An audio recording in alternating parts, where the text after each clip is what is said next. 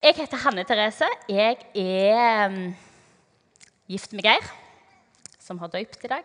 Så jeg er mammaen til Lykke Dorothea, som er eh, halvannet. Og så er, blir jeg 30 i år. Og det som er at Jeg har hatt en sånn åpenbaring i sommer som jeg skal begynne med å fortelle dere om. Fordi at jeg som sagt, da, jeg er 29.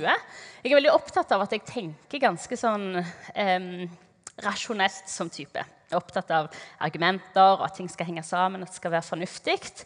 Men så har jeg en liten sånn en brist i dette. her, det er at jeg, jeg, griner ganske ofte. At Jeg griner hvis jeg blir veldig engasjert, jeg griner hvis jeg skal tale til noen og jeg blir veldig rørt. Og så griner jeg hvis jeg eh, kjenner at det er noe som er urettferdig. Og så var jeg i et bryllup i sommer, og der sto det en sånn beskrivelse av alle gjestene. og Blant annet av meg så sto det Andrese, bla, bla, bla, punktum, lettrørt, punktum. Så leste jeg det, så tenkte jeg hæ? Og så tenkte jeg ja, det er akkurat det jeg er. Jeg er lettrørt. Jeg er nesten 30 år og har aldri skjønt før at jeg er lettrørt. Og det som er, det grunnen til at jeg sier det, det er at dåp er noe av det absolutt nydeligste jeg vet om. Jeg har allerede grått i dag. Eh, og dere kan bare tenke dere hvor mye jeg grein den dagen Lykke Dorothea ble, ble døypt. Altså, jeg sto på scenen og jeg hulkegrein. Og når vi kom ned og de sang velsignelsen, så grein både jeg og Geir og Lykke Dorothea. Jeg og Geir fordi vi var rørt, og Lykke Dorothea mest fordi hun var bare over hele, hele greia, tror jeg. Men eh, grunnen til at jeg sier dette, er fordi at eh, jeg tror ikke jeg skal grine så mye i dag. Men jeg er lettrørte. Og jeg skal få snakke om dåp. Jeg har hatt barnehageoppstart denne uka, det er krevende. Og jeg er gravid, så her er det mange hormoner ute og går. Så er dere forberedte? Er det greit? Ja, bra! Jeg lover ingenting, men vi skal ha en nydelig formiddag sammen uansett. Jeg griner når det er dåp, ikke bare fordi det er en vakker seremoni, selv om jeg syns det er en fantastisk seremoni. Er dere ikke enige med meg i det? Fra de kommer inn, og full neddykkelse og dåpskjoler og velsignelse. Jeg bare, Dette er helt fantastisk å få være en del av. Eh, grunnen til at jeg griner, er fordi det som skjer i dåpen, er så vanvittig uforståelig. Stort og altomfattende. Og det er det vi skal snakke om i dag. Dåpen, hva det betyr for de små som akkurat er døypt, og hva det i alle dager betyr for oss som kanskje har vært døypt for lenge siden, eller ennå ikke er døypt. Hva i alle dager har det egentlig å si, dette med dåpen? Jeg var på, um, på, tur, og så var det akkurat som det ble liksom oppsummert i én setning for meg. At når jeg snakker om dåp, så er det Guds vidåpne armer mot oss. Guds vidåpne armer mot oss. Det er liksom den beste setningen jeg har for hva dåp i alle dager er for noe. Um, jeg skal bruke tid på å utdype hva dette her betyr. Hva det betyr for Alma, hva det betyr for Benjamin, hva det betyr for Torjus. Hva det betyr, Guds vidåpne armer, for oss som har blitt døpt tidligere, eh, eller for oss som ennå ikke er det. Og jeg kan ikke tenke meg noe mer vidunderlig å snakke om. Er dere klar? Er ja, er dere klar? Ja, bra. Dere vet jo sånn, Jeg kan begynne å grine, så dere må vise at dere er klare. Hvis ikke, så Nei da, jeg skal ikke tro meg sånn. Det er ikke bra. Guds vidåpne armer. Hva i alle dager betyr det? Og det er jo Utgangspunktet er jo at det er vidåpent. Det er ikke snakk om Guds håndtrykk. Det er ikke snakk om Guds håndtrykk og sånn forsiktige klem på sida. Det er ikke snakk om Gud som vinker. Sant? Det er snakk om Guds vidåpne armer. Og hva i alle dager betyr det? For meg betyr vidåpne armer her er du så velkommen. Så kjekt å se deg. Der er du jo! Her hører du hjemme. Jeg har venta på deg. Det er det de armene representerer. I noen perioder av livet så representerer de varme, trygghet, en kjærlighet som er altfor svær til å beskrive. I noen perioder av livet så representerer de kanskje trøst. I andre perioder av livet så representerer de gjerne et sted å flykte til når livet er vanskelig. Et vern en kan finne. I annen fase så representerer kanskje de armene eh, en som heier på deg. En som deler gledene dine, og som gleder seg over deg. Og så Fra Guds side så tror jeg de representerer sårbarhet. Og så representerer de tålmodighet fordi de er alltid åpne. Og så representerer de tilstedeværelse. Og oppsummert så representerer de en vanvittig kjærlighet. Så hvis dere skal huske én ting fra i dag, så er det vidåpne armer. Kan dere fortelle det til hverandre? Vidåpne armer. En gang til. Fordi det er dette som møter de små ungene i dåpen. Før de kan prestere noen ting som helst, før de fortjener noen ting som helst, så døypes de. Og Det som skjer når de døypes, det er at Gud tar imot dem. De blir hans barn, sier vi. De blir en del av hans familie, som er kirka. Og så får de den fineste gaven, som er Den hellige ånd. Gud tar imot dem, og så sier han Wow! Jeg elsker deg, Alma. Jeg elsker deg, Benjamin. Jeg elsker deg, Torjus. Uansett hva livet bringes, vil jeg alltid elske deg. Jeg vil alltid være her for deg, fordi du og jeg, vi hører sammen. Men så må vi gjøre et hopp før vi skal komme tilbake igjen til dåpen. Fordi at dåpen den har et utgangspunkt, og det er et annet sted hvor Gud har vidåpne armer. Og det, det er korset. Det er korset. Det er korset som er utgangspunktet for det som skjer i dåpen. Vi hører det lest fra Johannes 3, 16, For så høyt har Gud elska verden, at han ga sin sønn den enbårne, for at hver den som tror på han, ikke skal gå fortapt, men ha evig liv. De vidåpne armene på korset som kosta Gud alt. Det er der det begynner med dåpen. Geir, min mann, han har et yndlingssitat. Hvis du hører etter, så vil du høre at i nesten alle taler han holder, så prøver han å snike det inn. Så hvis jeg leser gjennom talene hans, så vet jeg liksom bare hvor finner jeg dette sitatet. Men jeg syns det passer veldig godt i dag, og det er Gud elsker deg til døde. God loves you to death. Og det er akkurat det han gjør. Han elsker så mye at han gir alt. Og det er den Gud vi får tilhøre. Han som er så opptatt av å komme oss i møte at han gir alt for å gjøre det.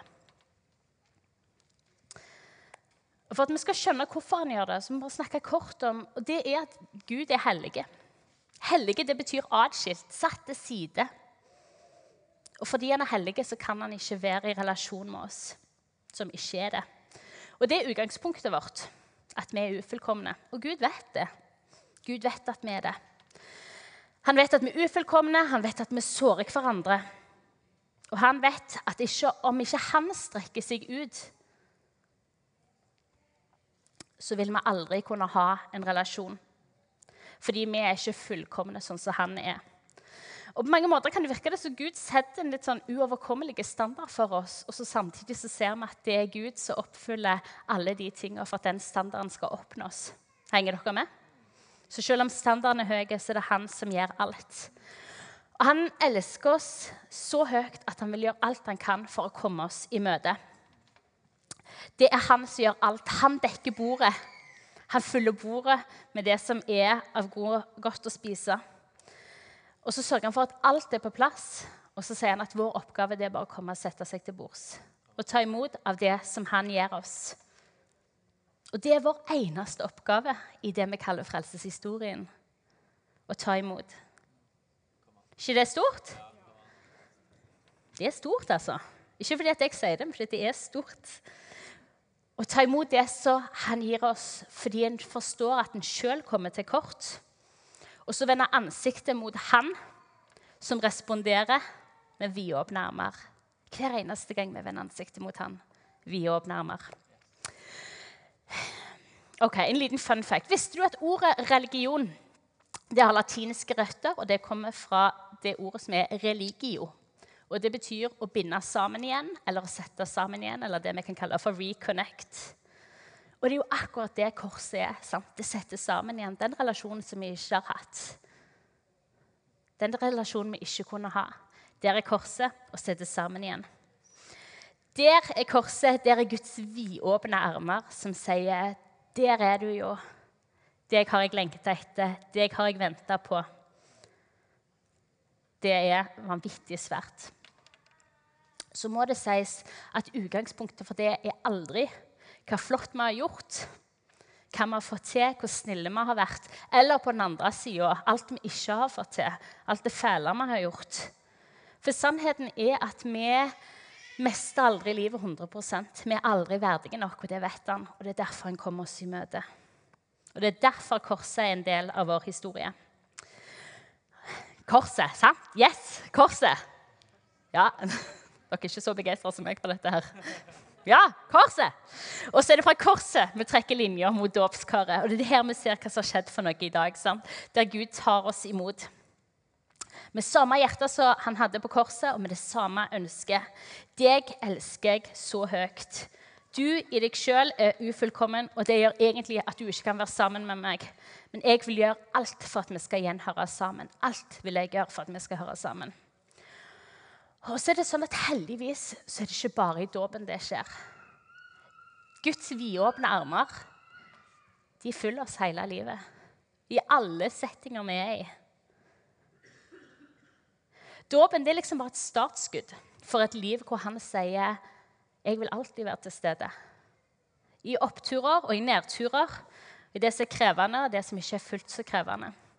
Og så ser vi nettopp fra dåpen at vi har to veldig konkrete symboler på det. Det ene er dåpskjolen, og det andre det er dåpslyset som ble tent.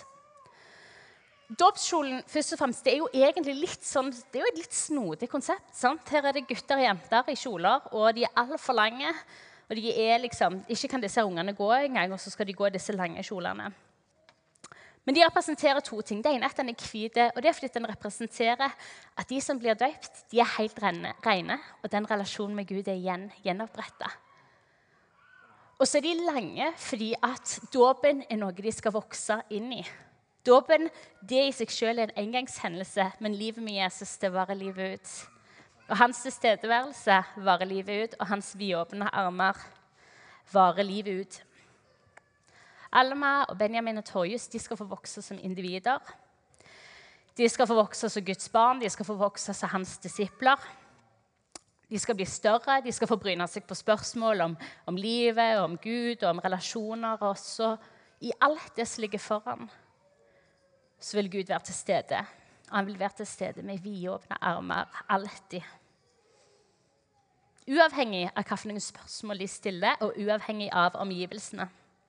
For det er dåpskjolen. De skal få vokse inn i det. Det andre er dåpslyset som tennes av to grunner, som Geir sier.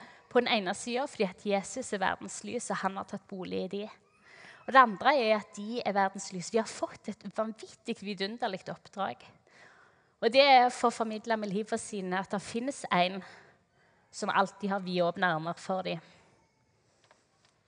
Og I det oppdraget så har de det samme privilegiet og det å vite at det gjelder for deres eget liv òg.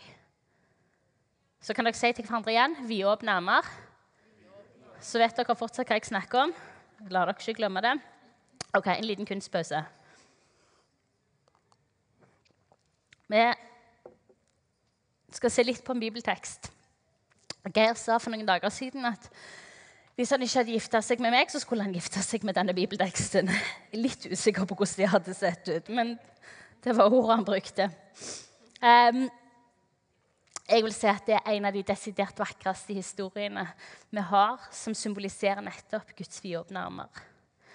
I min bibel så heter han 'Sønnen som kom hjem' den gamle oversettelsen så sto det om den bortkomne sønn. Jeg syns kanskje han heller burde vært riktig titulert med 'Den ventende faren' eller 'Den faren som elska så høyt'. Fordi Poenget i denne historien som jeg skal fortelle ganske snart, er ikke hva sønnene gjorde, men hva faren gjorde. Og hva hans nåde og hans kjærlighet og hans omfavnelse gjorde. Så i korte trekk. Før jeg sier det, Vi skal lese litt fra teksten, men min oppfordring til dere er til neste uke les Lukas 15. Det er fra vers 11 til vers ja, ja, Jeg skal ta til og med vers 24. Les det, og les det mange ganger. for den teksten der er en tekst om ja, som sagt, Geir kan gifte seg med den. Jeg kan iallfall lese den ganske mange ganger om jeg ikke gifter meg med den. Men det er en fantastisk tekst. Eh, og i korte trekk, det som skjer, er den yngste av to sønner ber sin far om å få ta ut sin del av arven. Og I den tida hvor dette skjedde, Så var det å spørre om en sånn ting det var som å si at jeg egentlig ønsker deg død, sånn at jeg kunne fått pengene mine med en gang. Så han spør om er dramatisk. Han utøver en form for skam på familien sin, på faren sin, egentlig på den byen han tilhører, av å si noe sånn. Eh, men han får sin del av faren. Han selger alt, så han har masse penger. Og så reiser han av gårde, så lever han et liv i sus og dus. Og så treffer der en hungersnød landet, står det. Det landet som han hadde reist til. Og På dette tidspunktet så har denne yngste sønnen han har brukt opp alle pengene sine. Og så plutselig så står han helt på bar bakke. Han ender opp med å passe på griser, og det han får å spise, det er restene av det som grisene sjøl ikke spiser. Så står det at han kommer til seg sjøl og gjør følgende refleksjon. Jeg holder på å sulte i hjel. Hjemme hos far min er det sånn at de som arbeider der, de har mat i overflod. Jeg vil gå hjem og si at jeg angrer på det som har skjedd. Og så er jo parentesen her at det er jo egentlig tidenes dårligste og mest sjølsentrerte utgangspunkt for å angre. Fordi Han angrer jo ikke utgangspunktet fordi han skjønner han er håpløs. Han angrer fordi han skjønner han vil ha det mye bedre hvis han reiser hjem. sant? Henger dere med? Utgangspunktet hans er jeg har ikke sulten, de har masse mat. Jeg går tilbake igjen og sier at jeg angrer. Og så skal vi lese resten av teksten fra historien. Dermed brøt han opp og dro hjem til faren. Da han ennå var langt borte, fikk faren se ham, og han fikk inderlig medfølelse med ham. Vi stopper kort opp og sier, registrerer at hvis faren ser ham når han er ennå langt vekke, så betyr det at han har stått og venta på ham. Han har stått og kikka etter ham og håpt og lengta etter og ønska at han skulle komme. Så står det at han fikk inderlig medfølelse med ham. Tenk så lett det hadde vært for faren kjent på frustrasjon når han så ham. Sorg over hva som har skjedd. Skam over hvordan han har tapt ansikt for resten av byen. Men det står at han kjente på en inderlig medfølelse. Så står det han løp sønnen i møte, og det i seg sjøl var òg uhørt. En mann i hans posisjon å springe, for det betydde at han var nødt til å trekke opp kjortelen for å springe og vise leggene. Det var what not to do. Liksom, ikke gjør det. Og det, det, var et tegn på respekt at folk som, som var viktige, sant? de skrider av gårde. De springer ikke. Men det står at faren springer han i møte. Kaster seg om halsen på ham og kysser ham. Sønnen sa, 'Far, jeg har synda mot himmelen og mot deg.' 'Jeg fortjener ikke lenger å være sønnen din.' Så langt kom han før faren sier til tjenerne sine.: Skynd dere, finn fram de fineste klærne og ta, ta de på ham. Gi en ring på fingeren og sko på føttene. Og hent gjøkalven og slakt han, så vil vi spise og holde fest. For denne sønnen min var død og er blitt levende igjen. Han var kommet bort og er funnet igjen. Og så begynte festen og gleden.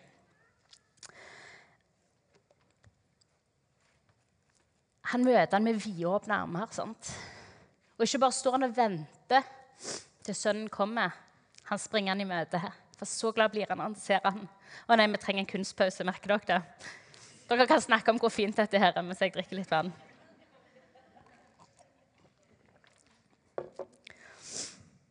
Han kaster seg rundt halsen av ham fordi han blir så vanvittig takknemlig for å se ham. Glad for å se ham. Og Når sønnen prøver med alle sine unnskyldninger, så liksom han feier de vekk. Det er ikke det som er viktig. Det viktige er at han har vendt ansiktet sitt tilbake mot han og sagt 'Her er jeg'. Så det er det faren responderer på. Med å vise omsorg.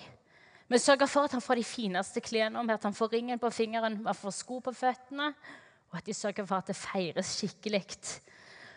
For sønnen skal ikke være i tvil i det hele tatt om at han er ønska, og at han er velkommen. Og så er det sånn at Dette er hvem Gud er. Ikke bare for den sønnen den ene gangen. Dette er Guds natur. Dette er hans respons på vår henvendelse til han. Og hans respons til det vil alltid være 'Kom, så godt å se deg'. La oss finne ut av dette sammen. For en glede at du er her. Og så er det dåpssøndag i dag. Vi har snakket om at vi døper, og vi fortjener egentlig ingenting. Han tar imot oss akkurat sånn som vi er. Og sånn er det jo det som er med den bortkomne sønnen òg.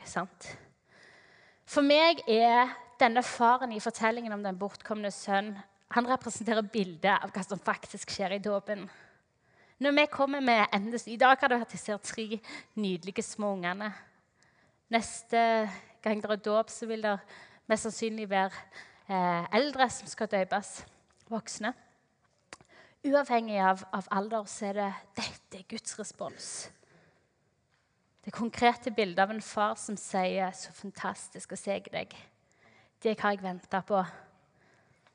Faren som er vidåpen armer, tar imot sine barn. Og så er det sånn at det er han som venter.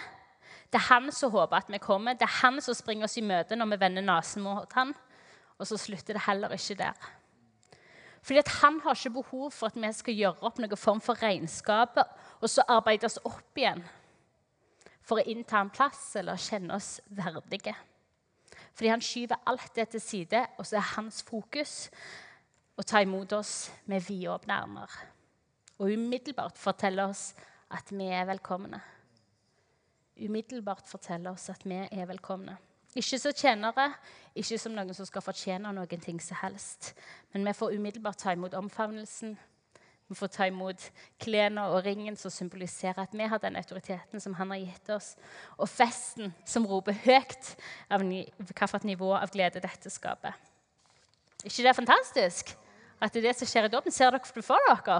Hvordan denne faren kommer springende i møte Alma og Benjamin og Torjus. Og ikke bare de som er døpt i dag, men, men også Gud som har kommet oss i møte tidligere, som er døpt, og hvordan Gud ønsker det for, for dere som eventuelt ikke er døpt. Nei, det er stort, altså. Det er stort. Og så er det viktig for meg å si helt avslutningsvis at det er ikke bare i dåpen denne historien gjelder. Sannheten om Gud som kommer springende i møte med oss, eh, den gjelder jo oss for vårt liv, for vår hverdag. Du og jeg hver dag. Det er ikke vanskelig å surre seg litt av gårde i feil retning eller sånn. Uansett hvor du befinner deg i livet, om livet ditt er godt, om det er utfordrende, om det er krevende, om det er nydelig, så er Guds faste posisjon vidåpne armer. Det er alltid hvem Gud er.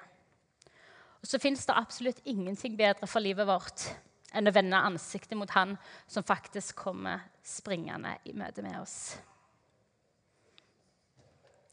Og For meg har tenkekorset vært at tenk hvis vi levde med den vissheten som ryggmargsrefleksen vår. At vi visste at det var dette som var Guds hjerte for oss. At dette var Guds holdning til oss for de gode dagene i livet og for de utfordrende. Og så liksom Nei, se nå må vi ta en kunstpause igjen. Mitt eneste utgangspunkt for å klare å forstå noen ting som helst av dette her, er jo når jeg sjøl har blitt mamma og, og forholder meg til Lykke Dorothea. fordi at meg og jeg er vanvittig begeistra for hun fine. Vi sier liksom flere ganger Vi snakker om daglig hvor fine vi syns hun er, hvor flotte vi syns hun er. og hvor glad vi er for at vi har henne. Og så er vi òg veldig opptatt av at eh, hun skal få det med seg. At hun skal liksom vite det når hun vokser opp. Um, det gjør at uh, hun, um, jeg prøver å lære henne at uh, hvis jeg sier 'Hvem er det mamma elsker?', så peker hun på seg sjøl, og så sier hun 'deg'. hun sier 'deg' fordi hun sa egentlig 'jeg', men så sier jeg alltid 'ja, deg'. Så nå sier hun 'deg'. Men at hun sier ja, Nå sier hun 'deg', ja. Mm, så mamma elsker deg. uh, men at hun vet det, at de er svaret på det spørsmålet. Og jeg skal si det til henne ofte nok og mange nok ganger til at det er fullstendig intuitivt i hvem hun er. At det skal være utgangspunktet for resten av livet hennes. At hun er elska, at hun er verdifull. Og Det er liksom mitt forhold til Lykke Dorothea. Så tenker jeg bare, Tenk så vanvittig mye større det at det liksom, allmaktens Gud sier det samme til oss. Fordi at Hvis Guds vidåpne armer og hvis sannheten om hans kjærlighet er ryggmargsrefleksen for oss, hvordan i alle dager ser livet vårt ut da? Hvis vi skjønner at det vi møter hver eneste dag, hver eneste utfordring At bak det så er det alltid en Gud som elsker, og som heier, og som backer, og som er til stede i alt som kommer. Det forandrer jo alt, gjør det ikke det? Og så må det jo sies at Å skape den ryggmargsrefleksen er heldigvis ikke noe vi skal få til. For vår eneste oppgave er som sagt å ta imot det som han gir oss. Og vende blikket mot han som faktisk holder disse her vidåpne armene åpne. Alltid. Og det er det som har møtt Torjus og Benjamin og Alma i dag. Det er det som møter oss i dag, og som møter oss i morgen, og som vi møter oss i ukene framover. La oss stå, skal vi be.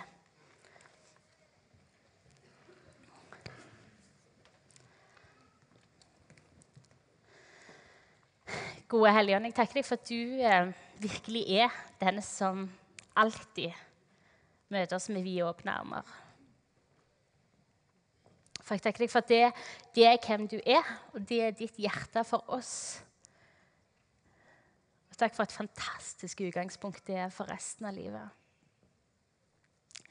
Og Jesus, Jeg ber om at du skal minne oss på de ukene som ligger foran.